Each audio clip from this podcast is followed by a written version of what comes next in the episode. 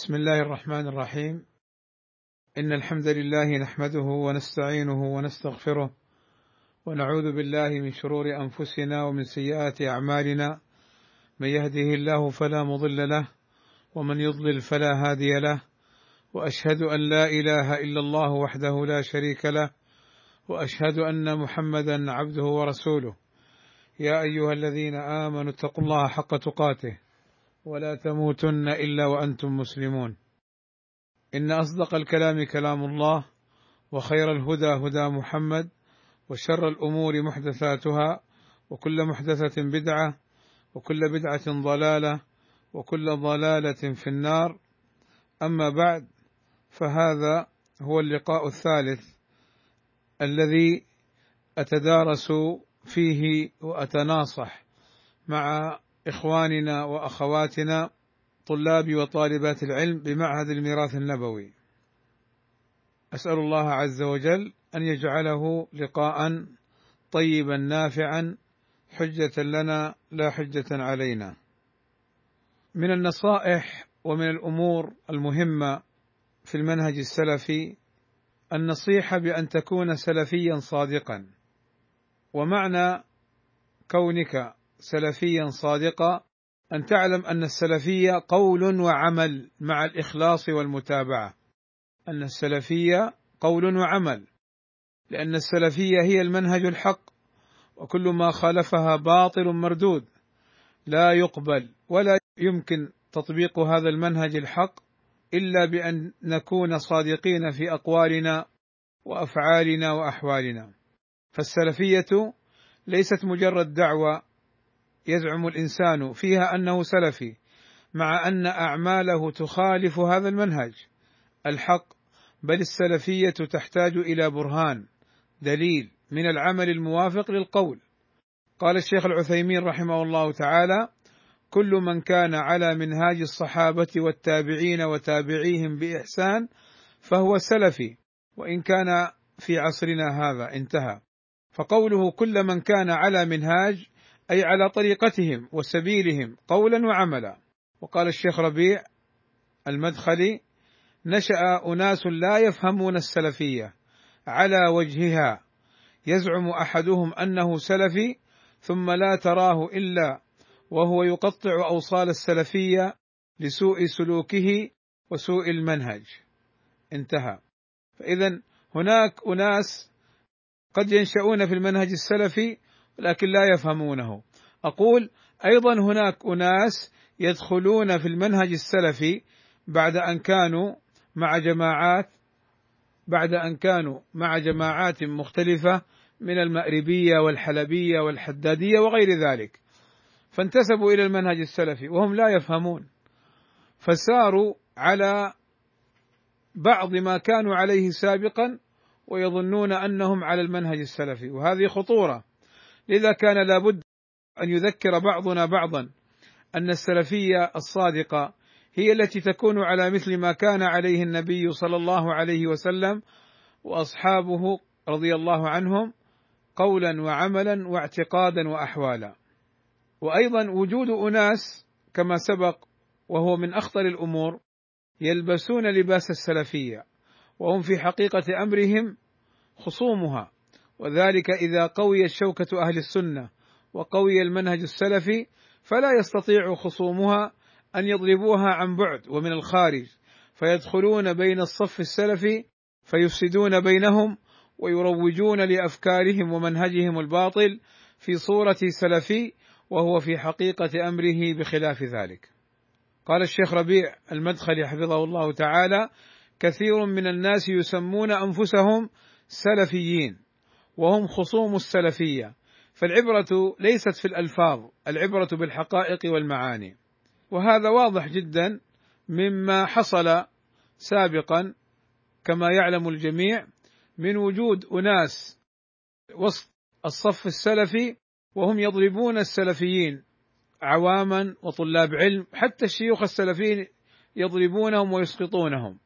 هؤلاء ليسوا بالسلفيين هم حدادية أو مأربية. أو حلبية. نسأل الله السلامة والعافية. لذلك إخواني هذا الصنف من الناس من أخبث وأخطر ما يكون في زعزعة الصف السلفي وفي إيجاد الفرقة والاختلاف بين السلفيين.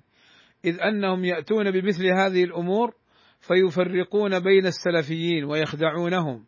ويا للأسف من تصرفات بعض إخواننا السلفيين بل حتى أحيانا للأسف بعض طلاب العلم والشيوخ بعضهم أخوهم الذي يعرفونه بالسلفية ويعرفونه بملازمة العلماء ويعرفونه بالدعوة إلى المنهج السلفي يقفون ضده ويطعنون فيه مع هؤلاء المندسين زاعمين أنه خالف المنهج وهم لا يعرفون حججا ولا يعرفون امورا تصدق على هذا أنه فعلا خالف المنهج السلفي وإنما مجرد أكاذيب ودعوات فارغة واتهامات لا حقيقة لها. وسيأتي إن شاء الله شيء مما يتعلق بذلك.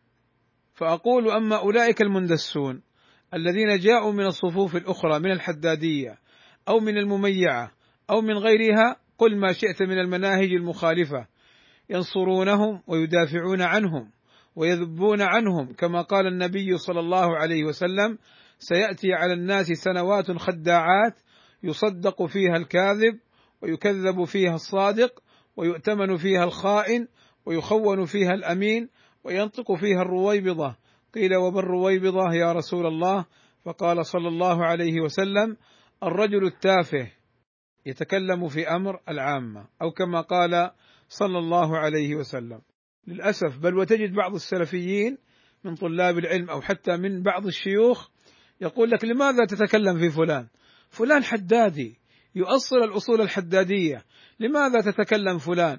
فلان حلبي يروج للأفكار الحلبية، فبدل أن توافق إخوانك طلاب العلم السلفيين الذين ينصرون المنهج تنصر هؤلاء المخالفين وأنت لا تشعر.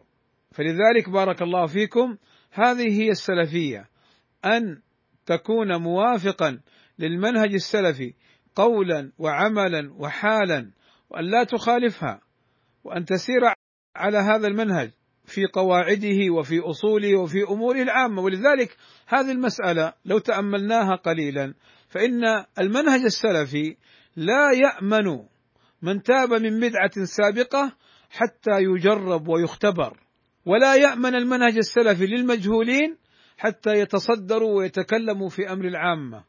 وانظروا في هؤلاء الذين يطعنون في السلفيين أصحاب المنهج والنهج الواضح. السلفيين الذين هم صادقون تجد أنهم أحد رجلين إما أنه رجيع جماعات حدادية أو مأربية أو حلبية أو مغراوية وقل ما شئت أو أنهم مجهولون.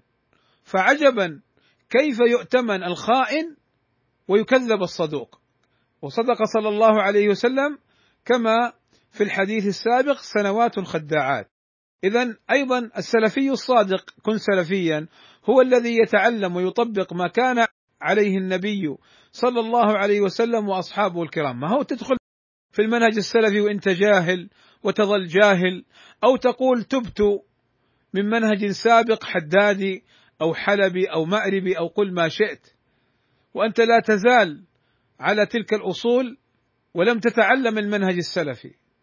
كذلك السلفي الصادق يرجع إلى العلماء العاملين ويأخذ بقولهم ويستنير به ويرجع إلى الحجة والبرهان الذي عند العلماء. هذه قضية مهمة.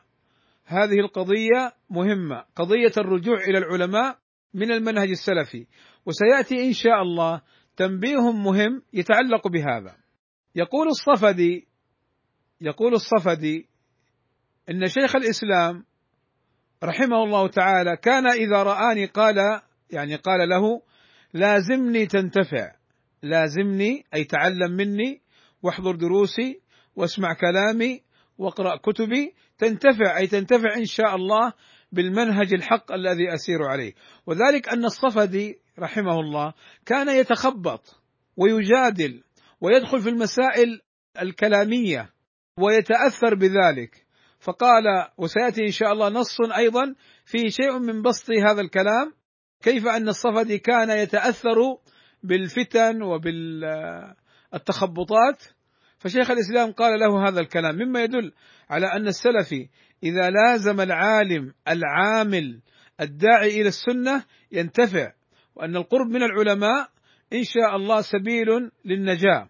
قال الشيخ مقبل الوادعي رحمه الله إن الناس أي طلاب العلم والعوام منذ تركوا الرجوع إلى العلماء تخبطوا.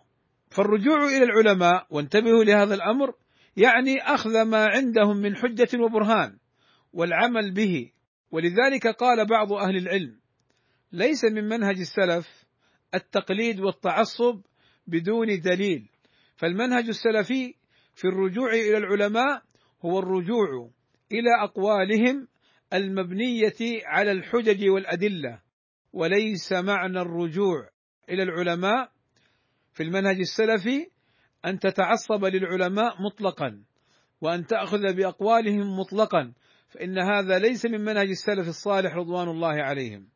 وهنا وتنبهوا لهذا الأمر هنا تنبيه مهم جدا إخواني بارك الله فيكم.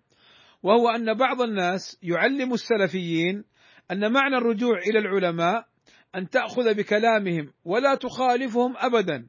وإذا خالفتهم ولم تقبل قولهم فأنت تطعن فيهم وأنت غير سلفي. أقول دعوني إخواني بارك الله فيكم. أنقل لكم دعوني أنقل لكم كلام الشيخ ربيع حفظه الله تعالى حين قال لا نقول أغمضوا أعينكم واركضوا وراءنا بل نقول ادرسوا بفهم وعقل ووعي وقارنوا بصدق وإخلاص. انتهى. هل الشيخ ربيع يطعن في العلماء؟ هل الشيخ يدعو إلى مخالفة العلماء؟ الشيخ يدعو إلى المنهج الحق. كلام العالم إذا كان مبني على الدليل فأنت تحتج بالدليل والعالم دلك إلى ذلك. أما كلام العالم إذا كان مجرد رأي واجتهاد منه فلا يلزم الأخذ به. يقول الشيخ الفوزان حفظه الله يجب على كل عاقل أن ينظر في أقوال الناس فيميزها ويفحصها ويرى الخطأ من الصواب فيقبل الحق ويرد الخطأ ولا يحمله التقليد الأعمى على البقاء على الباطل.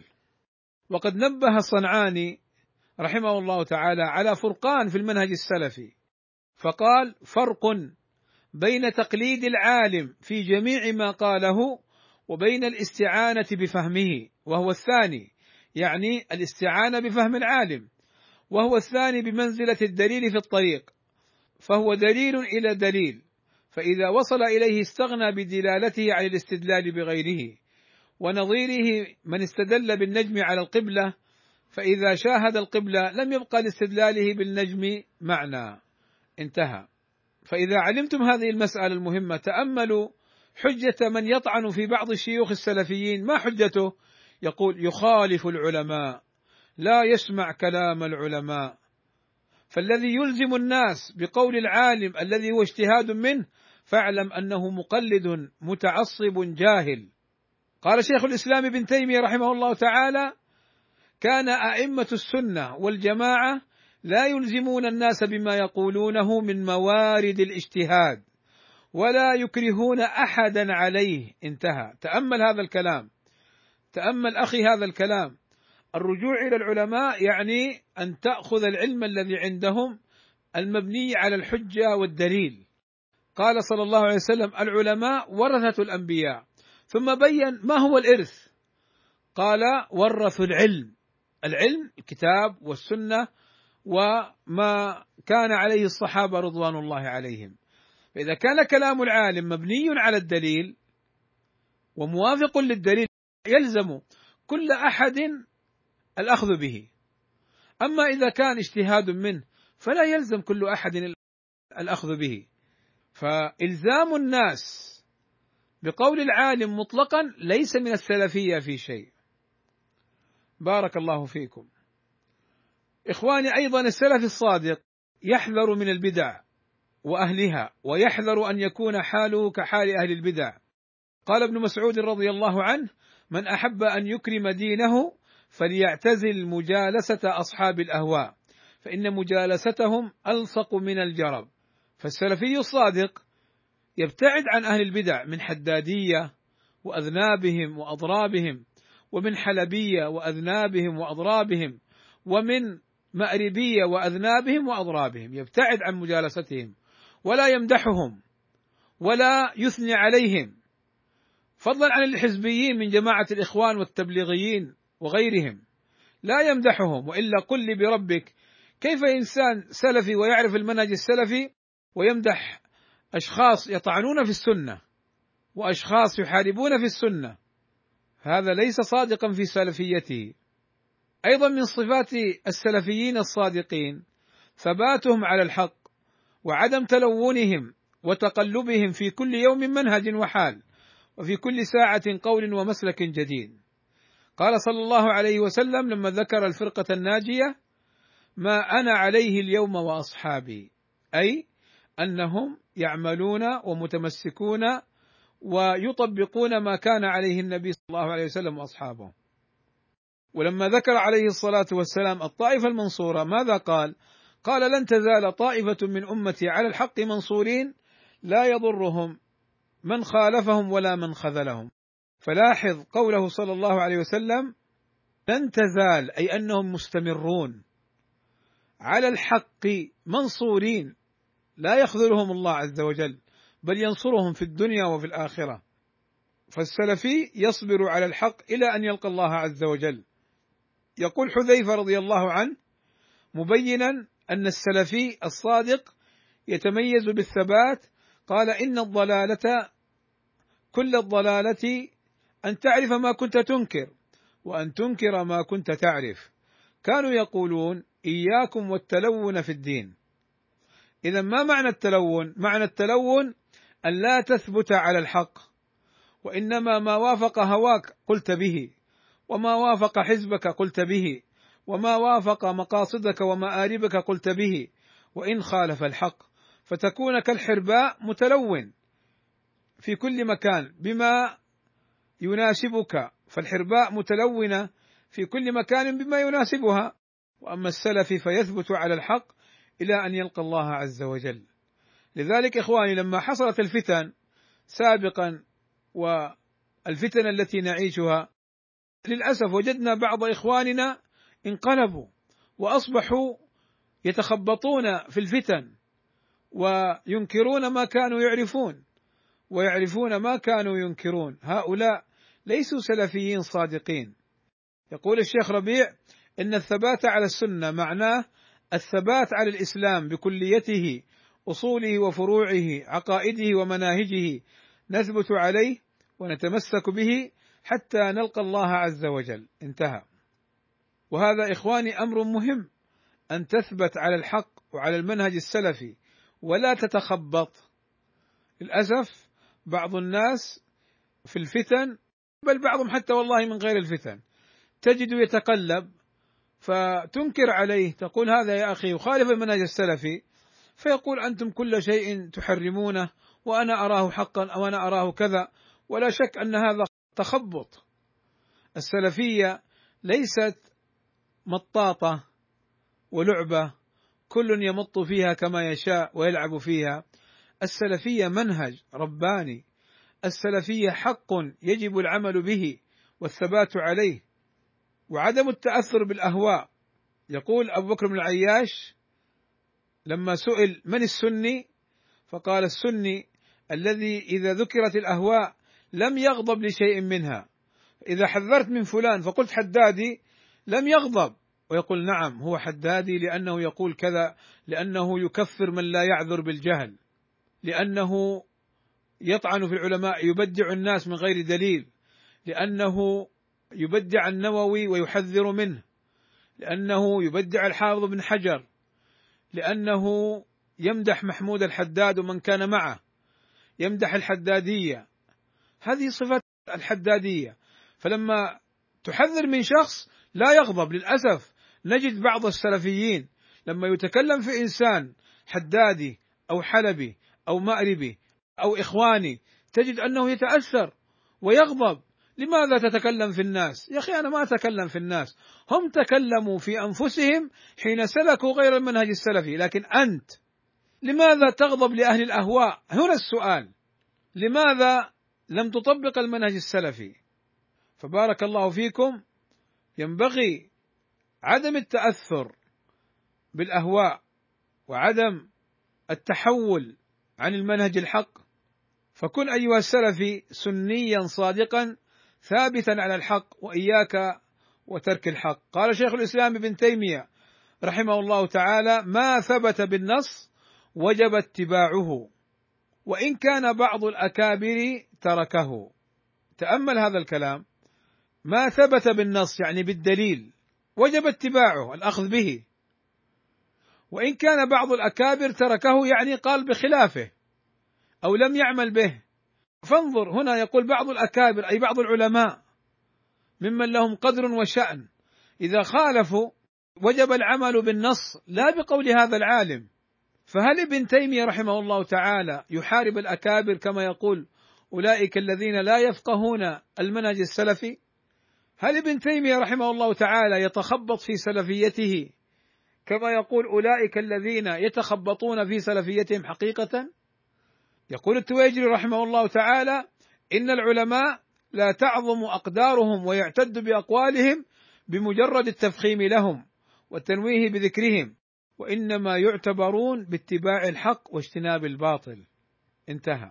والسلفي الصادق أيضا يكون قصده الحق ويتعلق به قال الشيخ ربيع حفظه الله تعالى من قصد الحق وصل إليه إن شاء الله.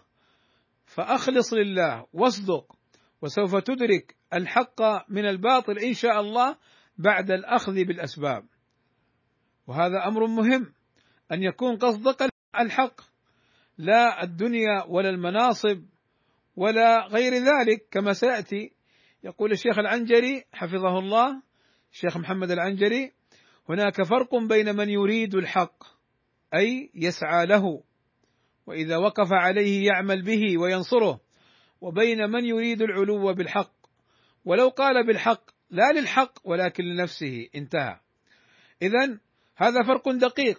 فكم من إنسان يدعي أنه يريد الحق وهو في حقيقة أمره إنما يريد أن يعلو على الناس وأن يرفع من نفسه لا يريد أن يعلو الحق من حيث هو. لذلك هؤلاء تجد في هذه المسألة ينصر الحق لأنه يريد أن يعلو بها وتوافق هواه.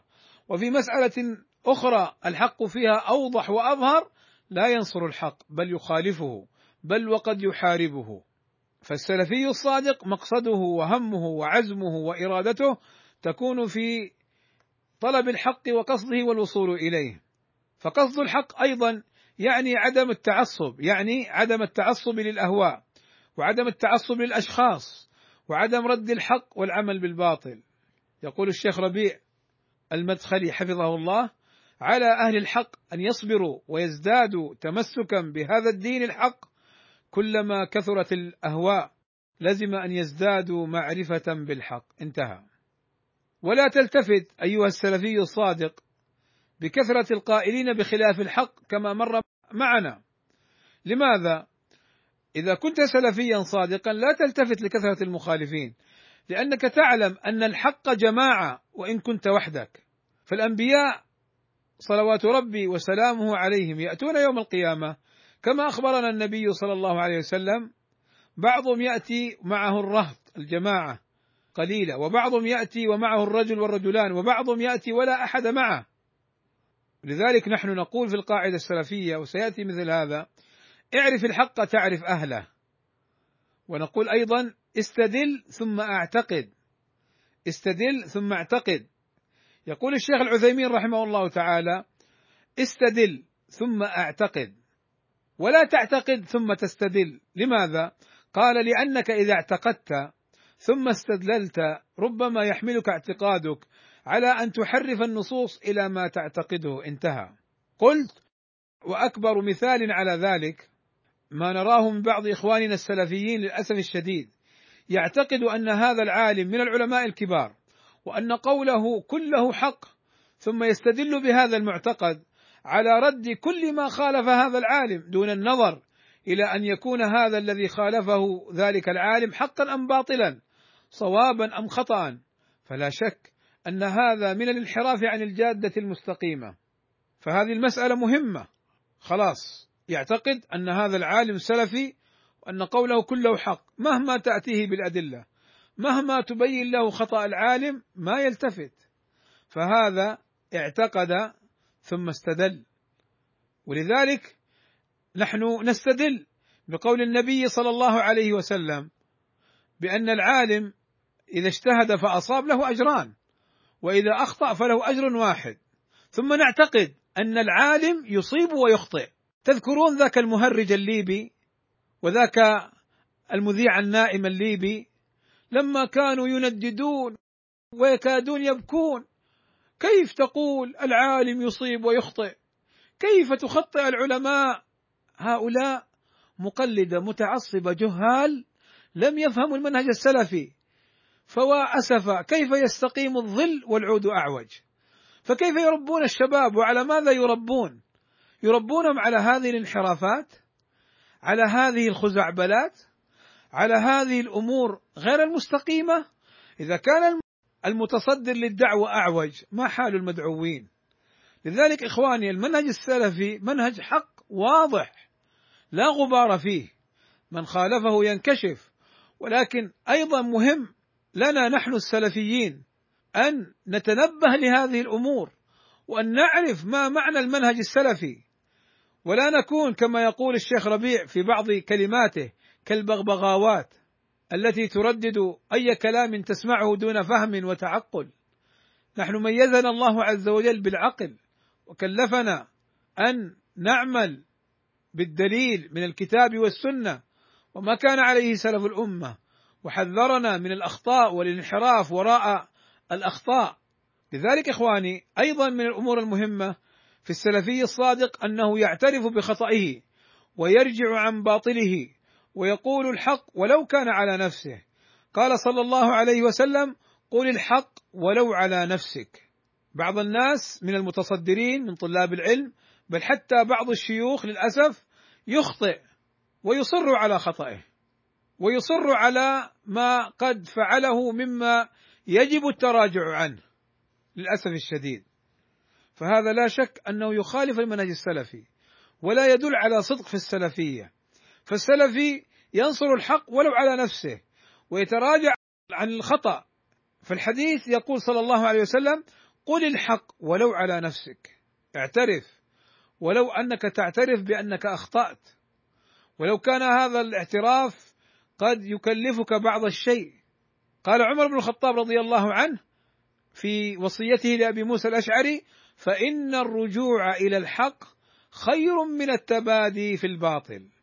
وقال عمر بن الخطاب رضي الله عنه من خلصت نيته في الحق ولو على نفسه كفاه الله ما بينه وبين الناس. ومن يزين لهم بما ليس في قلبه شانه الله. شانه بمعنى فضحه. وأخزاه. فإن الله تعالى لا يقبل من العباد إلا ما كان خالصا. إخواني المؤمن الصادق أيضا لا يتعرض للفتن. يقول ابن تيمية مبينا خطر التعرض للفتنة. قال التعرض للفتنة هو من باب الذنوب. لماذا من باب الذنوب؟ كما سيأتينا إن شاء الله. لأننا مطلوب منا شرعا وتأملوا هذا. مطلوب منا شرعا البعد عن الفتن خاصة من لا يحسنها. ومن يحسنها من العلماء يتعامل معها بحذر لا مطلقا. فاذا الذي يتعرض للفتنة خالف الشرع. فلذلك قال شيخ الإسلام ابن تيمية التعرض للفتنة هو من باب الذنوب. قال فالمؤمن الصادق لا يفعل إلا ما أمر به. أنت سلفي مأمور بأن تبتعد عن الفتنة وتخوض في الفتن أنت سلفي مأمور بعدم إشعال الفتن وتشعل الفتن أنت سلفي مأمور بأن لا تقف ما ليس لك به علم وتقف ما ليس لك به علم أنت سلفي مأمور بأن لا تكذب ولا تخدع وتخدع الناس وتتلاعب بعقولهم وقلوبهم لتزين حالك أو تدافع عن نفسك فإن هذا لا شك كما يقول شيخ الإسلام بن تيمية التعرض للفتنة هو من باب الذنوب فالمؤمن الصادق لا يفعل إلا ما أمر به فإن ذلك هو عبادة ولا يستعين إلا بالله. انتهى. وسيأتي إن شاء الله مزيد كلام متعلق بالفتن. إخواني أيضا المحن تميز الصادق من الكاذب. المحن تميز السلفي الصادق من الكاذب. الفتن والمحن تميز السلفي الصادق من الكاذب. يقول السعدي رحمه الله تعالى إذا وجدت المحن فالمقصود منها تبيين المؤمن الصادق من الكاذب فإنها تمحص المؤمنين وتظهر صدقهم.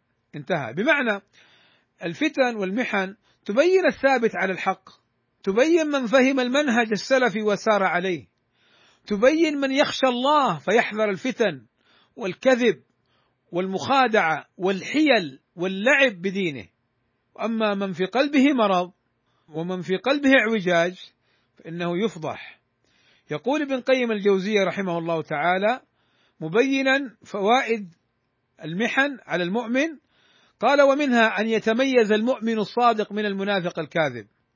إلى أن قال فاقتضت حكمة الله عز وجل أن سبب لعباده محنة ميزت بين المؤمن والمنافق. قال هذا أظن فيما يتعلق بيوم أحد. انتهى. ويقول ابن القيم الجوزية أيضا رحمه الله تعالى قرن الله سبحانه الفتنة بالصبر. إلى أن قال فليس لمن قد فتن بفتنة دواء مثل الصبر. فإن صبر يعني عن الفتنة كانت الفتنة ممحصة له ومخلصة من الذنوب كما يخلص الكير خبث الذهب والفضة. فالفتنة كير القلوب. ومحك الإيمان وبها يتبين الصادق من الكاذب. كما قال الله تعالى ولقد فتنا الذين من قبلهم فليعلمن الله الذين صدقوا وليعلمن الكاذبين. قال فالفتنة قسمت الناس إلى صادق وكاذب ومؤمن ومنافق وطيب وخبيث. فمن صبر عليها كانت رحمة في حقه ونجا بصبره من فتنة أعظم منها. ومن لم يصبر عليها وقع في فتنة أشد منها. فالفتنة لا بد منها في الدنيا والآخرة كما قال تعالى يوم هم على النار يفتنون ذوقوا فتنتكم هذا الذي كنتم به تستعجلون. فالنار فتنة لمن لم يصبر. انتهى. لذلك إخواني مر معنا ما يتعلق بأن يكون سيرك على المنهج السلفي بصدق وحق وأن تتمسك بالحق وتفرح بنصر الحق. يقول الإمام أحمد إني لارى الرجل يحيي شيئا من السنة فأفرح به. شوف يقول إني لارى الرجل يحيي. ليس الذي احياها الإمام أحمد إنما يرى رجلا آخر. قال إني لارى الرجل يحيي شيئا من السنة فأفرح به. ما يحسده ما يحاربه ما يؤذيه ما يسعى لإسقاطه ما يسعى لإسقاط دور العلم. ومعاهد العلم كما سعى بعض الذين يؤذون المؤمنين والمؤمنات ويؤذون السلفيين الصادقين لإغلاق معهد الميراث النبوي الذي يدرس فيه الكتاب والسنة وما كان عليه سلف الأمة. ائتني بباطل في هذا المعهد واغلقه بل نحن نغلقه. لكن إذا كان يدرس المعهد الكتاب والسنة وما كان عليه سلف الأمة فلماذا تغلق هذه الأمور إلا إذا كنت أنت مغلقا؟ مبتعدا عن الحق. يقول الشيخ العثيمين رحمه الله تعالى أيضا إذا رأيت نفسك تكره أن ينعم الله على غيرك بعلم أو مال أو خلق أو صحة أو ما أشبه ذلك فاعلم أن فيك شيئا من الحسد حاول أن تقضي عليه. فاذا إذا كان مقصودك الحق ما تحارب أهل الحق. وإذا كان في نفسك شيئا تكرهه من ذلك فيجب أن تصحح ذلك. ولذلك من أسباب محاربة أهل الحق الحسد. من أسباب محاربة أهل الحق الحسد. وأن ترى أن الحق ظهر على لسان غيرك. وتريد أن يظهر على لسانك. لماذا؟ لتريد أن تعلو. لتريد أن تمدح. لتريد أن تكون أنت أنت أنت. للأسف بعضهم قد يدخل في السلفية ترند فيسعى لجلب الأعداد الكبيرة. والسلفية لا تعرف الأعداد. السلفية تعرف الحق وما ترتب على الحق ونصره بعد الإخلاص لله والمتابعة من مدح وثناء فهذا بشرى عاجل المؤمن. ولكن أن تسعى للعدد وأن تسعى للتكثير وأن تسعى لا لا لا. ليس هذا منهج السلفي ابدا. والحق ما هو؟ يقول الشيخ العثيمين رحمه الله تعالى: الحق ما قام عليه الدليل وليس الحق فيما عمله الناس. انتبه. رحمة الله على الشيخ العثيمين كان إماما ولا زال. وأنا أذكر تماما أني قلت لبعض الإخوان يعني بعض إخواننا السلفيين سابقا كنا لا نعرف مشايخ المدينة حفظهم الله تعالى كنا نعرف السلفية في بن باز وبن عثيمين والألباني ثم طبعا ما يضرهم عدم علمنا بهم. ولكن أريد أن أقول إن السلفية منصورة من القدم ومنصورة من فترة. فمن ظن أن السلفية فقط جاءت من فلان وفلان هذا خطأ. شيخ العثيمين رحمه الله تعالى له كلام كثير في المنهج السلفي فيقول هنا الحق ما قام عليه الدليل وليس الحق فيما عمله الناس ليس في فعل فلان وفلان. لا تأتيني وتقول قال ربيع. لا تأتيني وتقول قال فلان إذا كان قولهم خلاف الدليل.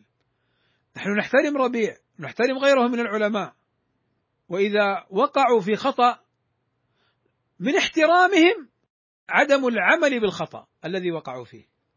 فلا يأتي إنسان يروج لمنهجه الباطل لأخطاء وقعت من بعض العلماء. مع احترامنا للعلماء وعدم احترامنا لمن يستدل بالخطأ على باطله. فالعلماء نبين الخطأ أما هؤلاء نبين أنهم يسلكون مسلكا منحرفا حين يعلمون أن قول العالم خلاف الدليل ثم يردون الدليل لقول العالم. لذلك انصر الحق ولا تنصر نفسك. لذلك الشافعي رحمه الله تعالى إمام الدنيا في عصره يقول إذا صح الحديث في خلاف قولي فخذوا بالحديث واتركوا قولي. بل قال إذا صح الحديث خلاف قولي فاضربوا بقولي عرض الحائط. ما يفهمون هذا الكلام. هؤلاء الذين يتعصبون للمشايخ لا يفهمون هذا الكلام. هل الشافعي رحمه الله تعالى يعلم الشباب خلاف المنهج السلفي؟ هل الشافعي رحمه الله تعالى يعلم السلفيين أن يسيروا على خلاف المنهج السلفي؟ بالعكس بل علمهم أمرا أهم من ذلك وهو أن القول الذي خلاف الحق لا قيمة له. فاضربوا بقول عرض الحائط. ما قال اتركوه. لما تضرب بقول الشافعي عرض الحائط إيش معنى؟ ماذا فعلت بقوله؟ رددته وأبطلته ولم تحترم القول من حيث هو كقول لأنه مخالف للدليل. بل يقول الشافعي ما نظرت أحدا فأحببت أن يخطئ وما نظرت أحدا فباليت أظهر الحق على لساني أو على لسانه. لماذا؟ لأن تناظرهم كان لظهور أمر الله ورسوله صلى الله عليه وسلم لا لظهور نفوسهم والانتصار لها كما قال ابن رجب رحمه الله تعالى. قال ابن رجب أيضا من علامات أهل العلم النافع أنهم لا يرون لأنفسهم حالا ولا مقاما ويكرهون بقلوبهم التزكية والمدح ولا يتكبرون على أحد. قلت لأن نيتهم خالصة لله وقلوبهم نظيفة لم تكدرها حظوظ النفس وغايتهم رضا الله والعلم دين يحتاج إلى صدق وإنصاف وحكمة. كم رأينا وسمعنا من إذا قلت له أخطأ عبيد أخطأ محمد بن هادي أخطأ ربيع أخطأ الألباني يشتط ويغضب ولا يقبل قولك بمجرد أن تقول له أخطأ. يا أخي انظر قل له ما الدليل؟ أين الخطأ؟ نعم نحن لا نقول قد يصدر من بعض السفهاء من طخطئة العلماء بجهل. لا لا نقول بهذا. ولكن هنا لما نقول أخطأ العالم معناه أن قوله خلاف الدليل. فالعالم مهما كبر فضلا عن غيره ممن دونه قوله إذا كان خلاف الدليل لا يعتبر. فلا تأتيني وتقول فلان من الأكابر. لو كان من أكبر الأكابر في نظرك أو عند غيرك أو عند أهل الأرض كلهم وكان قوله خلاف الدليل فالواجب العمل بالدليل كما مر معنا من كلام ابن تيمية رحمه الله تعالى. فكم رأينا من بعض الشباب من يتعصب للأسف لبعض المشايخ كما مر معنا سابقا. وبهذا نعرف أن من لا ينصر الحق قد يكون من باب حظوظ النفس والخوف على المصالح الشخصية. وبعض من باب المحسوبية فلان أنا أعرفه. صاحبي طب يعني رد عليه يقول لك لا ما رد عليه. طيب أنا أرد عليه لا لا ترد عليه. طيب مين يرد عليه؟ الشيطان؟ الشيطان فرح مسرور بخلاف الحق. الشيطان كما مر معنا باللقاء القريب الثاني لما قال ابن عباس لا أحد في الأرض يفرح الشيطان بموته بمثل موتي أنا لأنه لما تأتيه الفتنة يخمدها في مكانها. فلذلك من أسباب عدم نصر الحق المحسوبية وخاصة أيضا قد تدخل فلان من قبيلتي ما أستطيع أرد عليه. طيب يا أخي لا ترد عليه. خلي غيرك يرد. لا لا ترد عليه. إيش هذا؟ هو المنهج السلفي. يعرف القبيلة أو الجهة أو المكان؟ المنهج السلفي على الحق. كذلك قد يكون الحفاظ على المكانه والظهور بالاعتدال وعدم التدخل بينما تراه لمصالحه الخاصة يثور كالثور الهائج. والله رأيناهم. بعضهم ما يريد الرد الردود ويقول يا أخي لا ترد على الناس. يا أخي هذا أخونا فإذا جاء أخونا هذا وأخذ منه ريال أو ريالين أو أخذ شيئا من حقه أو تكلم فيه فيما يخصه ثار كالثور الهائج. يعني في أمور دينك تصير كالفأر مندسا كالنعامة. وفي أمور دنياك ومصالحك الشخصية تصير كالثور. ليس هذا المنهج السلفي وليس هذا صدقا في المنهج السلفي للأسف الشديد. ولذلك إخواني بارك الله فيكم أنا أنصح نفسي وأنصح إخواني طلاب العلم والمشايخ أن يتقوا الله في هذه المواقف. بعض المشايخ يبلغه أن فلان رد على فلان في كيت وكيت وكيت.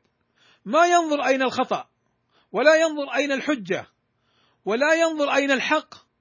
مباشرة فلان متسرع عجول عجول في عينك. أنت العجول الآن. لما تقف هذا الموقف من مسألة محتملة للخطأ والصواب تعجلت في الرد مطلقا. عليك أن تنظر هل قال بالحق فتنصره هل قال باطلا فترد عليه أيضا. ما في إشكال. متعجل متسرع. أين التعجل والتسرع؟ وعجلت إليك ربي لترضى. عجيب. هذه الخصلة التي يرمون بها بعض أصحاب الحق وهي في الحقيقة مدح أنه رد على باطل ونصر الحق. لا تعجل كان الواجب أن ترد عليه سرا. لا مو لازم. ليس لازما. ما دام أنه أظهر الباطل وانتشر لك أن ترده مباشرة. أبو موسى الأشعري رضي الله عنه حكم أو قضى في المواريث بقول ثم طلب أبو موسى من السائل أن يذهب إلى ابن مسعود ويعرض عليه المسألة. فلما جاء إلى ابن مسعود رضي الله عنهم أجمعين وعرض عليه فتوى أبي موسى الأشعري قال لقد ضللت اذا وما أنا من المهتدين إن كنت أفتيت بهذا. فبين له الحق. فهنا ابن مسعود رد قول أبي موسى. بل وقال قد ضللت اذا وما أنا من المهتدين. هل ابن مسعود متعجل؟ هل ابن مسعود متسرع؟ أبو موسى رضي الله عنه أخطأ في هذا القول. والصواب مع ابن مسعود. انتهينا عرفنا الصواب فنأخذ بقول ابن مسعود المبني على الدليل لأنه قال ابن مسعود بعد ذلك قضى النبي صلى الله عليه وسلم في كذا وكذا وكذا. فهنا إخواني بارك الله فيكم أمور تدخل على المنهج السلفي ليست في السلفية في شيء. أريد أن أقف قليلا مع هذه القضية لأننا حقيقة نعاني نعاني من بعض إخواننا ومن بعض طلبة العلم ومن بعض المشايخ موقفا سيئا فيها. ما هو هذا الموقف؟ أنه اولا يصف أخوه الناصح والراد للخطأ بسوء. ثانيا أنه يعلم الشباب أن يقبلوا أو أن يعتمدوا على القائل دون النظر للدليل. ثالثا أنه نصر الباطل. رابعا أنه خذل الحق. كم وكم سمعنا مثل هذا. فلان رد على فلان متسرع متعجل. معليش الدين هذا العلم نحن جايبينه من بيتك أخذينه منك. هلا جلست في بيت أبيك وأمك وتنظر العلم يأتيك أم لا؟ هلا نصرت الحق بدل أن تخذل الحق؟ هلا رددت الباطل بدل أن تنصر الباطل؟ ولذلك إخواني انتبهوا وأنا لا أعني بهذا. رد العلماء على بعض الذين يردون الحق بباطل ويتعجل هذا غير. نحن لا نتكلم في هذا. ولذلك أنا قلت لكم ينظر إن رد الحق يرد عليه. إن نصر الحق ينصر. إن رد الباطل بالحق يوافق.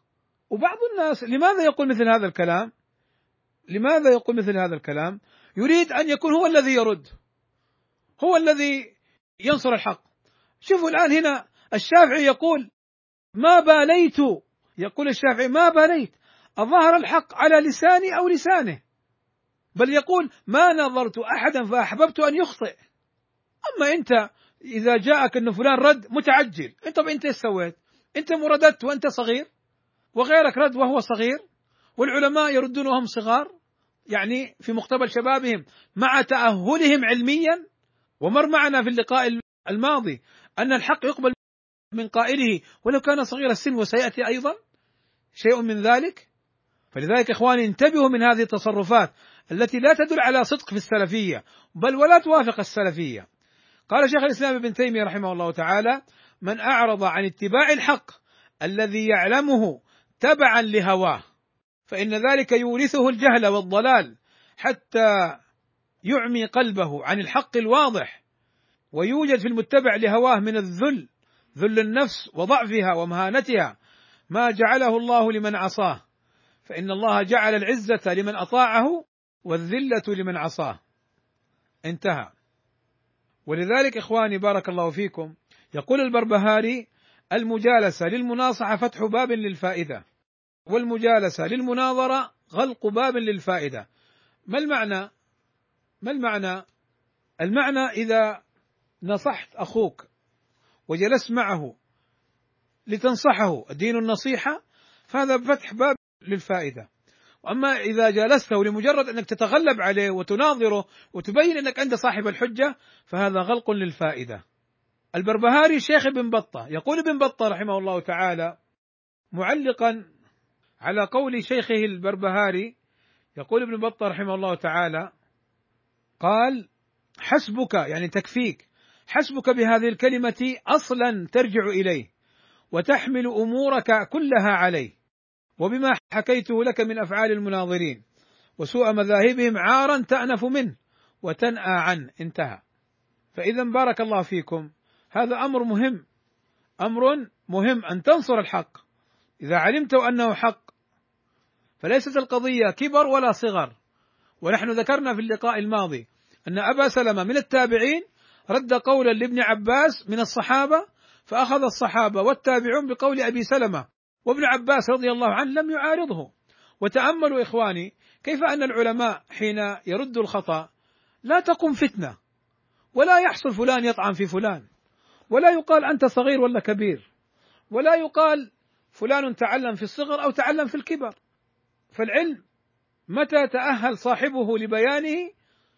ولو صغر سنه فإنه يقبل منه خاصة مع شهود العلماء له بالعلم والأهلية. بعض الناس سبحان الله تجد أنه يؤصل اصولا تخالف المنهج السلفي. هو تعلم وهو كبير. ما شغلنا بك؟ إذا كان غيرك من الله عليه بطلب العلم وزكاه العلماء وأنت ربما سارح مارح قبل أن تتعلم أو تسمع الاشرطه الحزبيين. هذه قضية خطيرة. يحارب بها الحق وأهل الحق بمثل هذه الأفعال.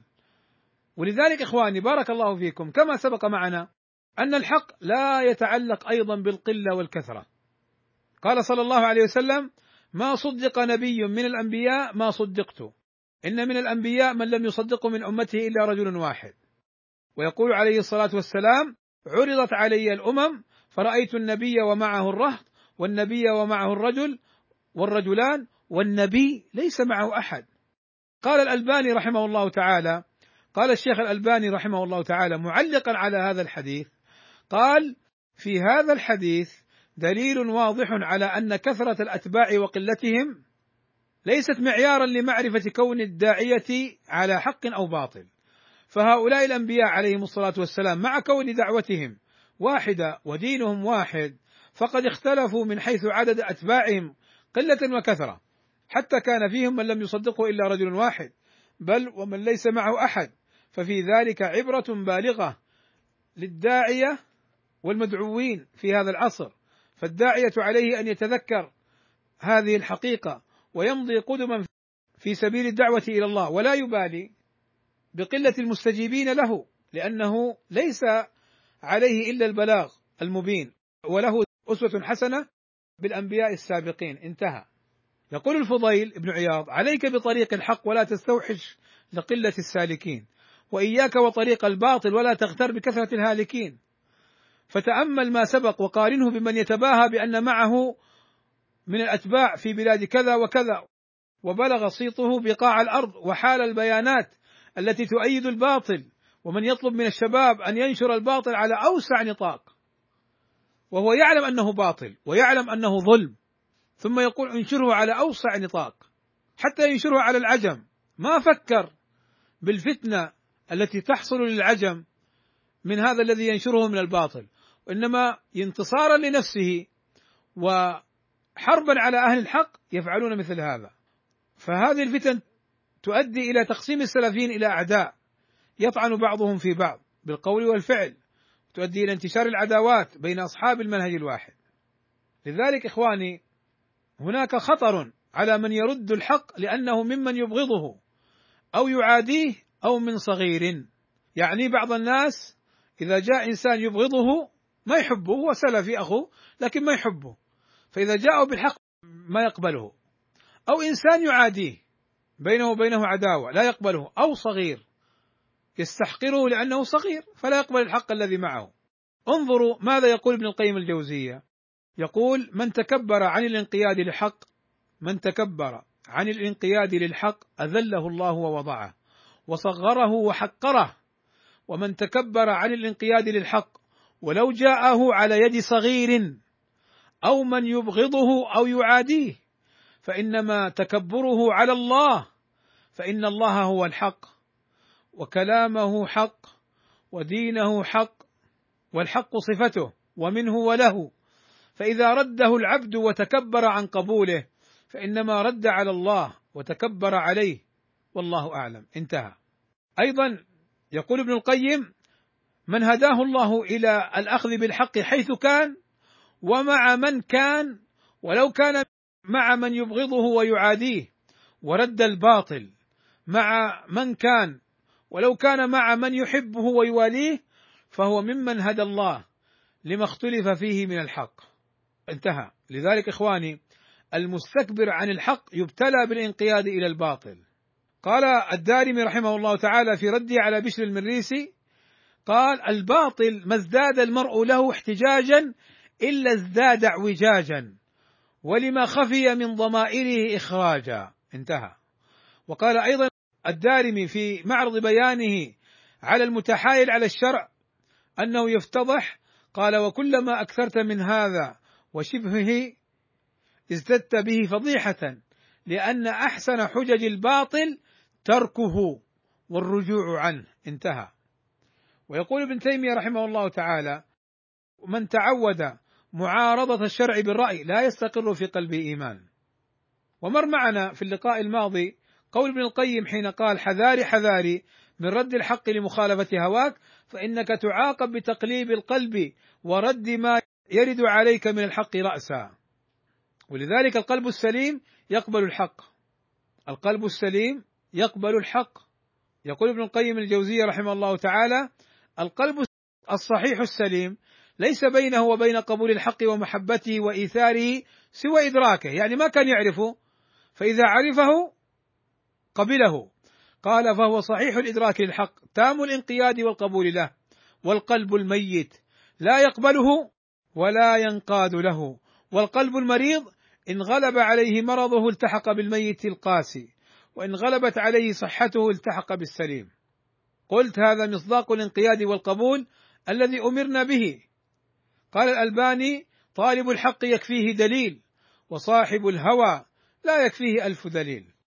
قلت فالجاهل يعلم وصاحب الهوى ليس لنا عليه سبيل. لذلك كانت من النصائح السلفية لا تتعصب لفلان. قال ابن القيم الجوزية التعصب واتباع الهوى يصدان عن الحق ويحرمان الأجر ويبعدان عن الله ورسوله ويوجبان مقته ويخرجان صاحبهما عن درجة الوراثة النبوية يعني العلم ويدخلان في أهل الأهواء والعصبية. انتهى. يقول ابن تيمية رحمه الله تعالى وكلامه هذا مهم لا بد أن تتأملوه. قال رحمه الله تعالى ليس لأحد من المعلمين ليس لأحد منهم أن يأخذ على أحد عهدا بموافقته على كل ما يريده وموالاة من يواليه ومعاداة من يعاديه. بل من فعل هذا كان من جنس جنكيز خان وأمثاله الذين يجعلون من وافقهم صديقا مواليا ومن خالفهم عدوا باغيا. قلت تأملوا حال بعض الناس في هذه الفتن.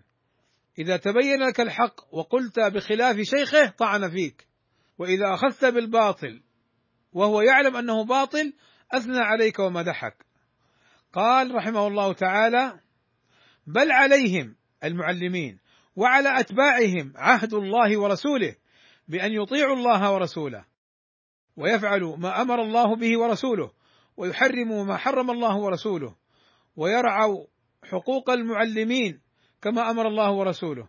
فإن كان أستاذ أحد مظلوما نصره وإن كان ظالما لم يعاونه على الظلم. بل يمنعه منه.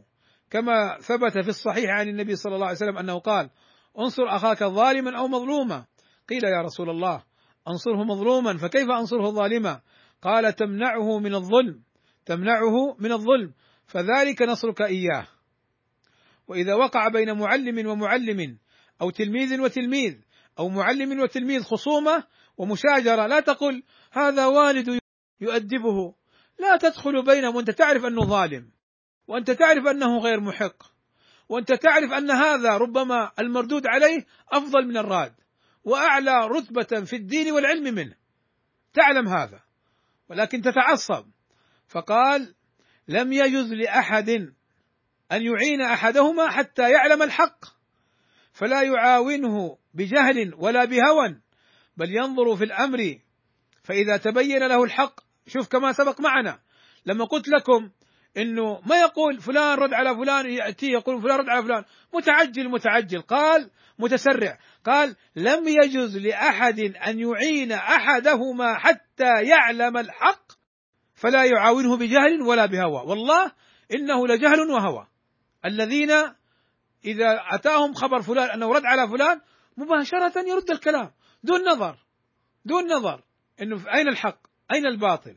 فقال لم يجز لأحد أن يعين أحدهما حتى يعلم الحق فلا يعاونه بجهل ولا بهوى بل ينظر في الأمر فإذا تبين له الحق أعان المحق منهما. على المبطل سواء كان المحق من أصحابه أو من أصحاب غيره وسواء كان المبطل من اصحابه أو أصحاب غيره فيكون المقصود عبادة الله وحده وطاعة رسوله. صلى الله عليه وسلم. واتباع الحق والقيام بالقسط. انتهى.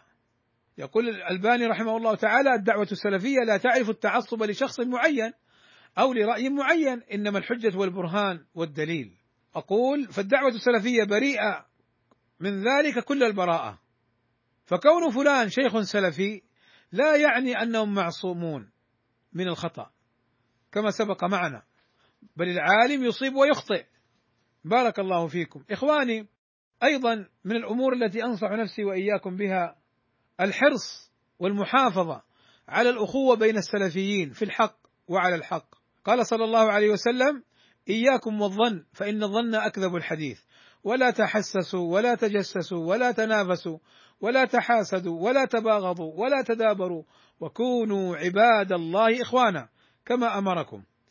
وقال صلى الله عليه وسلم المسلم أخو المسلم لا يظلمه ولا يخذله ولا يحقره. التقوى ها هنا التقوى ها هنا التقوى ها هنا. وأشار صلى الله عليه وسلم إلى صدره بحسب امرئ من الشر أن يحقر أخاه المسلم. انتبهوا أن يحقر يكفيه لو كان ما عنده ذنب إلا أنه يحقر أخاه المسلم لكان ذنبا عظيما. وانظروا إلى حال من يؤذي السلفيين يحتقرهم ولا يخاف الله فيهم. سيأتي هذا إن شاء الله. وقال صلى الله عليه وسلم كل المسلم على المسلم حرام. دمه وعرضه وماله. يقول الشيخ ابن باز رحمه الله تعالى أخوك من نصحك وذكرك ونبهك وليس بأخيك من غفل عنك وأعرض عنك وجاملك ولكن أخاك في الحقيقة هو الذي ينصحك والذي يعظك ويذكرك يدعوك إلى الله يبين لك طريق النجاح حتى تسلكه. ويحذرك من طريق الهلاك ويبين لك سوء عاقبته حتى تجتنبه. فتأملوا كلام هذا الإمام ابن باز رحمه الله تعالى في معنى الأخوة. للأسف نجد بعض السلفيين ينصر بعضهم بعضا على الباطل. ونجد بعض السلفيين يخذل إخوانهم الذين يعرفون أنهم على الحق. فهذه والله ليست أخوة. يقول الحافظ ابن حجر رحمه الله تعالى في تعليقه على حديث عمر لما رأى النبي صلى الله عليه وسلم كأنه غير مسرور فأراد أن يسره فقال فيه أن المرء إذا رأى صاحبه مهموما استحب له أن يحدثه بما يزيل همه ويطيب نفسه لقول عمر لأقولن شيئا يضحك النبي صلى الله عليه وسلم ويستحب أن يكون ذلك بعد استئذان كبير في ذلك كما فعل عمر. إخواني انظروا إلى هذا القول الذي سأنقله لكم من قول ابن عيينة. يقول ابن عيينة رحمه الله تعالى يقول سفيان بن عيينة رحمه الله تعالى لله در الثور بلغني أنه قال عجبا لرجل يعرف صاحبه بمودته ونصيحته ولا يعلم منه إلا خيرا خمسين سنة يعني مدة من الزمان. ثم يأتيه رجل لا يعرفه فيخبره عنه بسوء. فيقبله منه ويطرح معرفته. أقول هذا الأثر عظيم ويتضمن فوائد كثيرة تستحق أن تكون في محاضرة. يمدح الثوري حين قال الثوري كيف يا صاحب السنة كيف يا سلفي؟ تعرف صاحبك قريب منك وأنه صاحب مودة ونصيحة ولا تعلم منه إلا الخير.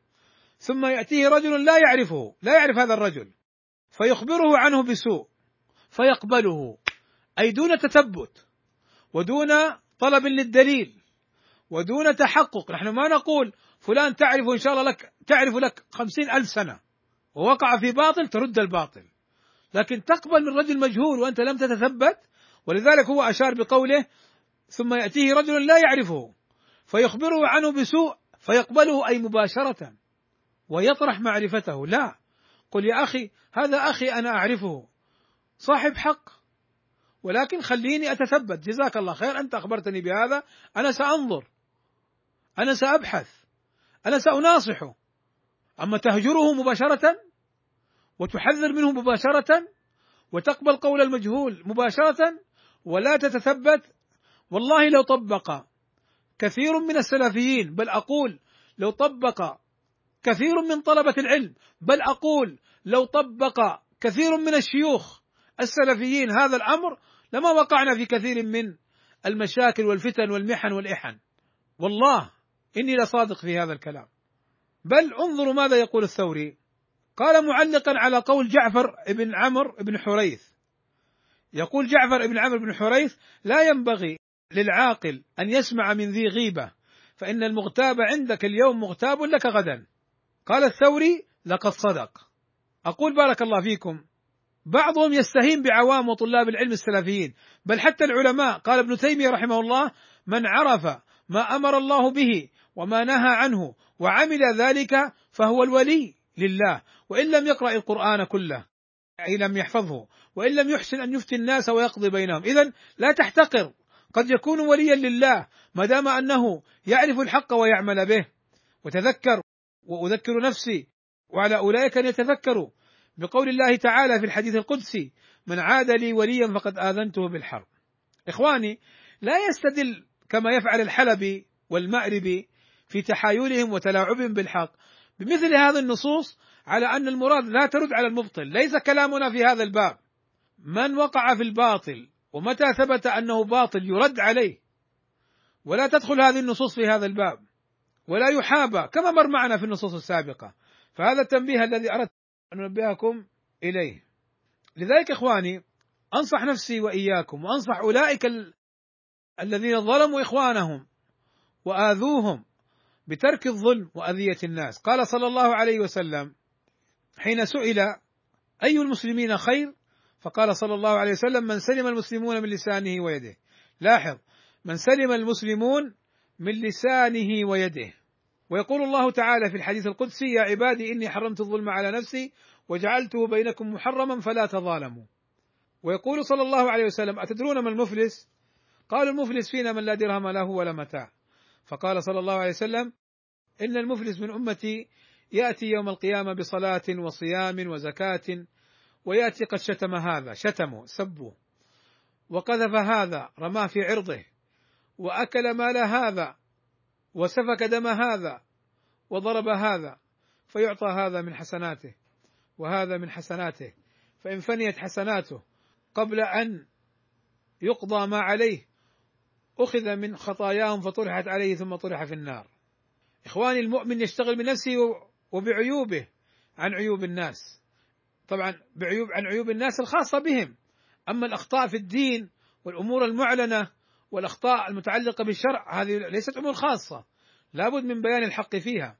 قال ابن قيم الجوزية إن الله إذا أراد بعبد خيرا سلب رؤية أعماله الحسنة من قلبه والإخبار بها من لسانه وشغله برؤية ذنبه فلا يزال نصب عينيه حتى يدخل الجنة. قال فإن ما تقبل من الأعمال رفع من القلب رؤيته ومن اللسان ذكره. أقول بارك الله فيكم ومن أكثر ما وقع الظلم على الإخوة هو من باب الجرح والتعديل. فيحاربونهم ويطعنون في أعراضهم. طبعا العرض الطعن في العرض سواء بالقذف أو حتى بالجرح غير الثابت الجرح الظلم وكلاهما يقع وأكثره الثاني. انظروا ابن القيم الجوزية ماذا يقول؟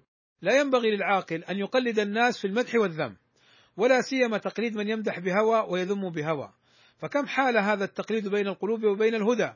ولم ينجو منه إلا من سبقت له من الله الحسنى. ما ينبغي فلان مجروح لماذا مجروح؟ لكذا وكذا. إخواني تبليغي حدادي حلبي لأنه قال كذا وكذا. لأنه أحيانا ترمي إنسان بأنه حدادي وهو ليس بحدادي بل أنت الحدادي. وترمي إنسان بأنه حلبي مميع وأنت المميع الحلبي. فلا بد من المعرفة. قال الحافظ بن عبد البر كان أصحاب رسول الله صلى الله عليه وسلم لا يثنون على أحد إلا بالصدق ولا يمدحون إلا بالحق لا لشيء من أعراض الدنيا شهوة أو عصبية أو تقية. وقال ابن عبد الهادي المحق في حالتي غضبه ورضاه ثابت على مدح من مدحه وأثنى عليه ثابت على ذم من ثلبه وحط عليه. انظروا بعض المشايخ لا أريد أن أسمي وإن كنت أستطيع أن أسمي لأنه أخطأ ورد على الخطأ لا شيء فيه. ولكن لا داعي الآن للتسمية لأن المراد المثال وكلنا نعرف ذلك بعض المشايخ كان يثني على بعض السلفيين ويمدحهم فلما خالفه في أمر اجتهادي بالنسبة له وخالفه فيما لا يرضاه هو لا للمنهج السلفي حذر منه فهذا واقع في عدم الثبات أنت مدحته ليش؟ لله ولا لهواك؟ إن كان لله ولم يتغير لماذا تذمه؟ وبعض المشايخ أيضا كان يذم اشخاصا فإذا به يمدحهم ويثني عليهم طيب لماذا؟ أنت ذممته لله أم لنفسك وهواك؟ وهو هو لم يتغير فكيف مدحته بعد أن كنت ذممته ولذلك يا إخواني في قضية مهمة في الجرح والتعديل وقاعدة في هذا الباب وهو أنه كما لا يجوز لنا أن نمدح إلا بدليل لا يجوز لنا أن نقدح إلا بدليل وحجة. فبعضهم المدح يكيل فيه المكاييل بلا دليل ولا حجة. حتى قال بعضهم لما روجع أن فلان يقول كذا وكذا وأنت زكيته قال أنا ما أدري كيف زكيته. إيش يعني؟ معلش هذه فين نصرفها كيف زكيته؟ كيف نصرفها ما أدري كيف زكيته؟ أنت الآن لما تقول أنا زكيته أو تزكيه أنا كسلفي أظن بك خيرا أنك زكيته بناء على ما عنده من سلفية ومنهج صحيح. وكذا إذا قدحت فيه أظن بك خيرا أنك قدحت فيه لوقوعه في الأخطاء المنحرفة مع الإصرار على الباطل.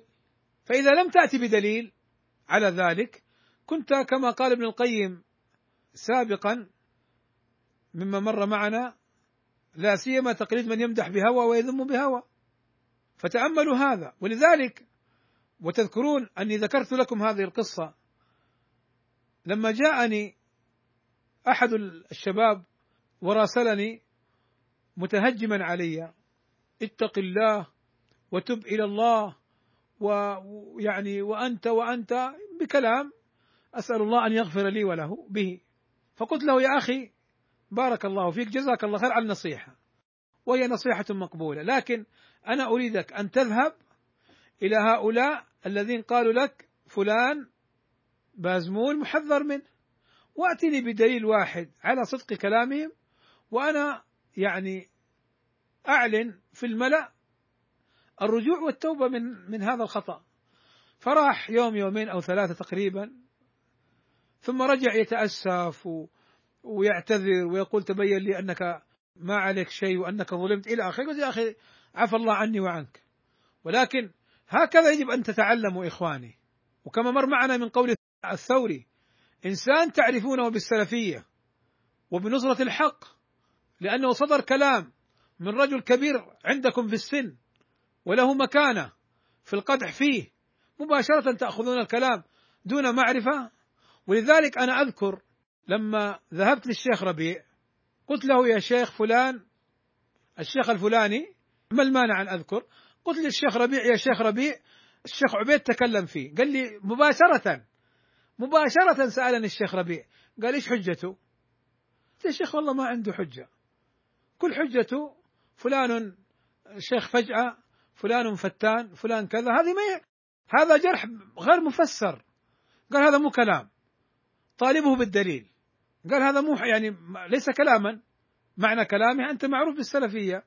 هو جاء قدح فيك ما أنت معصوم. يبين دليله. فقلت يا شيخ أرد عليه؟ قال رد عليه. قلت يا شيخ أرد عليه؟ قال أنت حر رد عليه. قلت يا شيخ ما رأيك؟ أرد ولا أمسك؟ قال لي أمسك. قلت له كلامك انتهى. فما رددت الحمد لله ولا ولا تكلمت مع أنه ما أتى بدليل أصلا. يقول ابن قدامة في كتابه تحريم النظر في كتب الكلام يقول كلام فيما معناه يقول فيما معناه أنه من أقوى الحجج ومن أصدق الحجج على صدقي وبراءتي من التهم أنهم لم يأتوا بدليل وحجه على أني متهم. وقال أيضا معنى كلامه طبعا هو يرد على ذاك المتكلم أنك أتيت بأمور كاذبة. قد يكون الجارح سمع كلاما كذبا ضد المجروح فبنى الكلام عليه وهذا خطأ. طيب هو أخطأ. أنت أيها السلفي إذا عرفت أنه أخطأ وبنى كلامه على خطأ لا تتبعه في الخطأ وترحمه من إلحاق التبعية والمسؤولية في ذلك. إن كنت فعلا تحب ذاك الشيخ. عموما إخواني بارك الله فيكم. يعني بقي معي القليل وإن كان الكلام يعني يعني يكثر. والعجيب بارك الله فيكم في بعض هؤلاء الشيوخ الذين يجرحون. أنا كلامي عام ولم أسمي أحدا لأن المقصود المثال الحقيقي الصادق الواقعي. فليس المقصود شخص بعينه إنما المقصود ذاك الفعل الذي يجب أن نبتعد عنه. في بعض الشيوخ حولهم طلاب مجروحون بالدليل والحجة بالصوت بالكتابة بأفعالهم المبطلة بما يوافق الحد بل حدادية صرفة ويؤتى للمشايخ بهذه الأدلة فيردونها ولا يقبلونها ويزالون على تزكيتهم. هذا فيه ما سبق من قضية الجرح والتعديل بهوى كما قال ابن القيم الجوزية رحمه الله تعالى. ولذلك إخواني الظلم والأذى سبب للشر. يقول ابن تيمية لا تحصل النعمة إلا برحمته ولا يندفع الشر إلا بمغفرته فإنه لا سبب للشر إلا ذنوب العباد. وانظروا إلى حال السلفية اليوم. وانظروا إلى حال السلفية قبل مدة من الزمان. كانت السلفية قوية ولا زالت إن شاء الله ولكن كانت السابقة قوية وظاهرة. ووقع الظلم على بعض طلاب العلم. تخيلوا إنسان إنسان أنا أريكم وأضرب لكم أمثلة واقعية. لا أريد أن أسمي الأشخاص. إنسان يحذر من إنسان. إنسان إنه طالب علم ويقود دورات وإنه يعني مع المشايخ يحذر من شخص ويحذر منه. ثم بعد تحذيره يطلب من الشباب اجمعوا أدلة على فلان. عشان لأنه هذا الشاب الذي جرحه المظلوم ذهب للشيخ ربيع وقال يا شيخ ربيع فلان ظلمني وجرحني. فقال الشيخ ربيع لذلك الشخص الظالم الجارح ائتنا بدليل وإلا اعتذر فراح يلم الأدلة يمين شمال ضد هذا الشخص ولم يأتي بأي دليل، طيب أنت كيف جرحته؟ أنت كيف ظلمته؟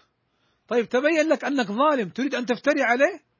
تريد أن يعني تجمع ضده حتى ما ليس بجرح لينجرح بدل أن ترجع عن باطلك وتتوب وتستغفر الله ولذلك إخواني بارك الله فيكم بعض المتصدرين في الدعوة السلفية يحتاج إلى تربية سلفية ويحتاج أن ينقوا أنفسهم ويهذبوها وأن يتعلموا الصدق في السلفية.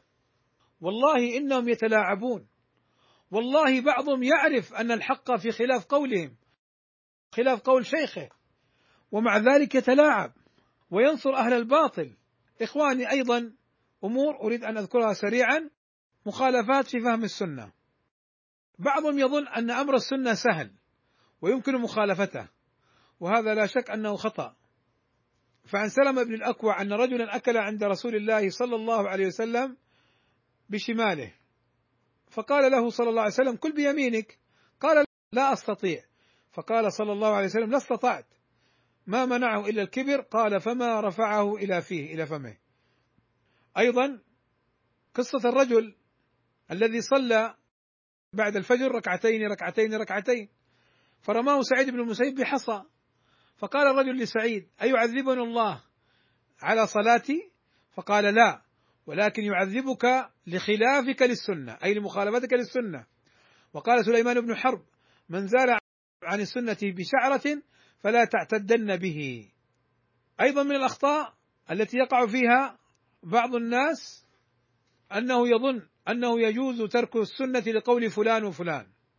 أنه يجوز له له أن يترك الدليل لقول فلان وفلان. قال عبد الله بن عمر سنة رسول الله صلى الله عليه وسلم أحق أن تتبع من سنة ابن عباس. وقال عمر بن عبد العزيز لا رأي لأحد مع سنة سنها رسول الله صلى الله عليه وسلم. إخواني من النصائح تجنب الفتن. قال صلى الله عليه وسلم إن السعيد لمن جنب الفتن ولمن ابتلي فصبر. وقال عبد الله بن عمرو بن العاص رضي الله عنهما بينما نحن حول رسول الله صلى الله عليه وسلم إذ ذكروا الفتنة أو ذكرت عنده.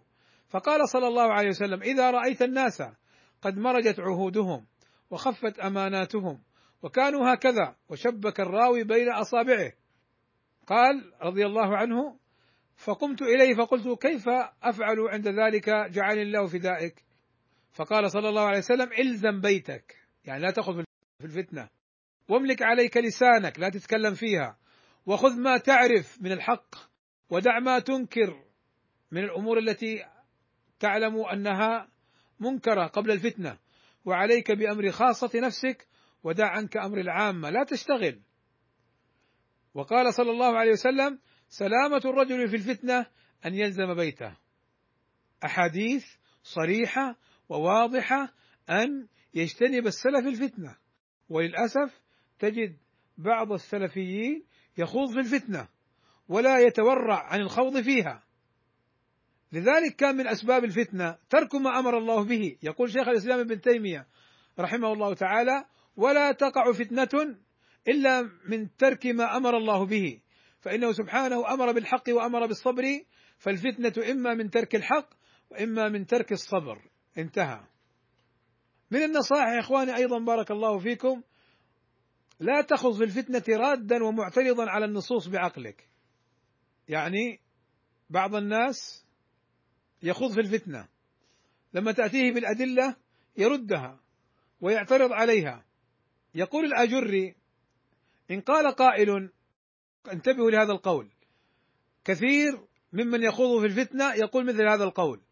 يقول الأجري إن قال قائل إنما مرادي من ذلك لأن أكون عالما بما جرى بينهم. ها كثير من الشباب يقول أريد أن أعرف ما يقع في الساحة من الخلافات. فيتكلم ويخوض في الفتنة. فيقول إن قال قائل إنما مرادي من ذلك يعني الخوض في الفتنة لأن أكون عالما بما جرى بينهم. فأكون لم يذهب علي ما كانوا فيه لأني أحب ذلك ولا أجهله. قيل له أنت طالب فتنة لأنك تبحث عما يضرك ولا ينفعك ولو اشتغلت بإصلاح مال الله عز وجل عليك فيما تعبدك به من أداء فرائضه واجتناب محارمه كان أولى بك واشتغالك بمطعمك وملبسك من أين هو أولى بك وتكسبك لدرهمك من أين هو وفيما تنفقه أولى بك. ولا تأمن أن تكون بتنقيلك وبحثك إلى أن يميل قلبك فتهوى. ما لا يصلح لك أن تهواه ويلعب بك الشيطان فتزل عن طريق الحق وتسلك طريق الباطل. انتهى باختصار. وقال ابن القيم الجوزية وتأملوا هذا الكلام قال لي شيخ الإسلام ابن تيمية وقد جعلت أورد عليه إيرادا بعد إيراد يعني شبه فقال له ابن تيمية لا تجعل قلبك للإيرادات والشبهات مثل السفنجة. فيشربها. فلا ينضح إلا بها. ولكن اجعله كالزجاجة المصمتة. تمر شبهات بظاهرها ولا تستقر فيها. فيراها بصفائه ويدفعها بصلابته. وإلا فإذا أشربت قلبك كل شبهة تمر عليك صار مقرا لشبهات أو كما قال. قال ابن القيم فما أعلم اني انتفعت بوصية في دفع الشبهات كانتفاعي بذلك. قال ابن القيم وإنما سميت الشبهة شبهة لاشتباه الحق بالباطل فيها. تريد أن تخوض الفتن وزمن الفتن زمن شبهات يشتبه فيها الحق بالباطل؟ قال وإنما سميت الشبهة شبهة لاشتباه الحق بالباطل فيها فإنها تلبس ثوب الحق على جسم الباطل وأكثر الناس أصحاب حسن ظاهر فينظر الناظر فيما ألبسته من اللباس فيعتقد صحتها وأما صاحب العلم واليقين فإنه لا يغتر بذلك بل يجاوز نظره إلى باطنها وما تحت لباسها فينكشف له حقيقتها انتهى. وهذا واضح في الفتن. انظر الآن أنقل لكم كلام ابن تيمية مع الصفدي السابق. يقول الصفدي كان ابن تيمية إذا رآني قال يعني إيش الإيرادات إيش الأجوبة إيش الشكوك؟ قال ابن تيمية يقول يقول الصفدي الذي يخوض في الشكوك والفتن والمناقشات والإيرادات قال أعلم أنك مثل القدر التي تغلي. تقول بق بق بق بق أعلاها أسفلها وأسفلها أعلاها لازمني تنتفع. شوف ابن تيمية يقول لو لا تأخذ في الفتنة لا تأخذ في الشبهات والشكوك هذه فتنة لقلبك لكن لازمني. وإذا لازم ابن تيمية تعلم منه الكتاب والسنة وما كان عليه سلف الأمة فينتفع. أما الخوض في الفتنة لا. كالقدر الذي يغلي سرعان ما يهلك من وقع فيه. إخواني بارك الله فيكم. أيضا يقول الشيخ أحمد السبيعي في كلام له مهم حقيقة مبينا ميزة الباطل وميزة الحق. لأن بعض الناس يغتر بالباطل. لماذا؟ يقول الشيخ أحمد السبيعي الحق من ميزته أنه يتضمن بيان الحق في اللفظ والمعنى على أتم وجه وأكمله. أما الباطل وأهل الباطل فمبنى بيانهم على الخداع. يا أخي لا تقل لا تمدح فلان لا تدافع على فلان إنه يطعن في المشايخ السلفيين. يا أخي إن فلان صاحب فتنة إن فلان طعن فيه العلماء. كلام يخدعك به. قال فمبنى بيانهم يعني حجتهم على الخداع وعلى الغش فيتخيرون من الألفاظ ما يلفت النظر ويستحسنه السامع فيتخيرون لباطلهم ألفاظا تؤثر في الناس. أقول صدق حفظه الله فإن هذا حال أولئك الذين ينشرون الفتن ويحاربون أهل الحق ويظلمونهم ويؤذونهم بمثل هذه الألفاظ المبهرجة الخالية عن الدليل بل هي موافقة للباطل مخالفة للدليل.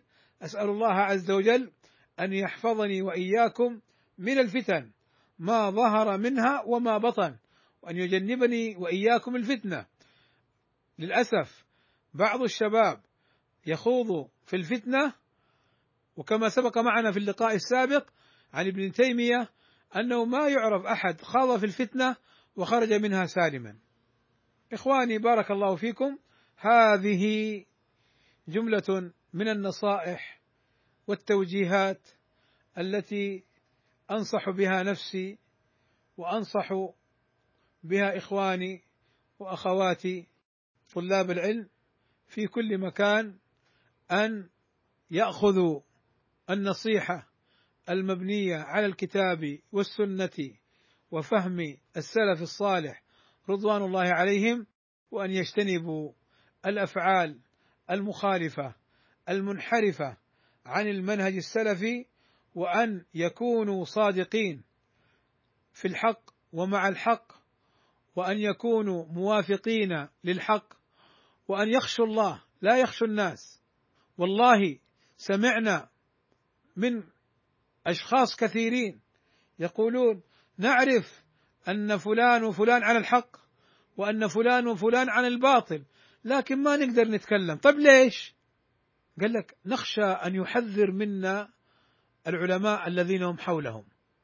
شوف يسلكون هذه المسالك يعرفون أنهم على غير الصواب ولكن يخافون من العلماء. لا يا أخي خف من الله عز وجل. خف من الله عز وجل وراقب الله عز وجل لا تراقب فلان وفلان. والله كم نسمع بل ونعلم يقينا من بعض الناس أنه يعلم أنه على الباطل وأنه منحرف عن الحق ويتظاهر بالسلفية ثم يخدع الناس. كما مر معنا من قول عمر بن الخطاب رضي الله عنه يزين لهم خلاف ما في قلبه. فإن هذا يشينه ويرديه ويهلكه إلا أن يتغمده الله بفضله ورحمته فيتوب ويرجع إلى الله عز وجل. فالتوبة بابها مفتوح. ما لم تبلغ الروح الحلقوم وما لم تطلع الشمس من مغربها. أسأل الله عز وجل أن ينفعني وإياكم بهذه النصائح والتوجيهات وأن تكون حجة لنا لا حجة علينا. أيضا معذره تذكرت أمر هو مر معنا في كلامنا ولكن أريد هذه النصيحة أن تكون أوضح في تجنب الظلم والأذية وفي تجنب الفتن. من جاءك بشيء اطلب الدليل. طالبه بالدليل والحجة. ليست الحجة قال فلان وقال فلان. أبدا. ليست الحجة قال فلان وقال فلان. ليست الحجة مع الشخص فنحن نعرف الدليل ونعرف أهله. أما الأشخاص لا نعلق بهم الأدلة. فإذا طالبته بالدليل وهذا مر من كلام ابن القيم وابن رجب وابن تيمية كما مر معنا سابقا. لكن مهم أن تعرف هذه القاعدة. أسأل الله أن ينفعني وإياكم بما سمعنا وأكتفي بهذا القدر.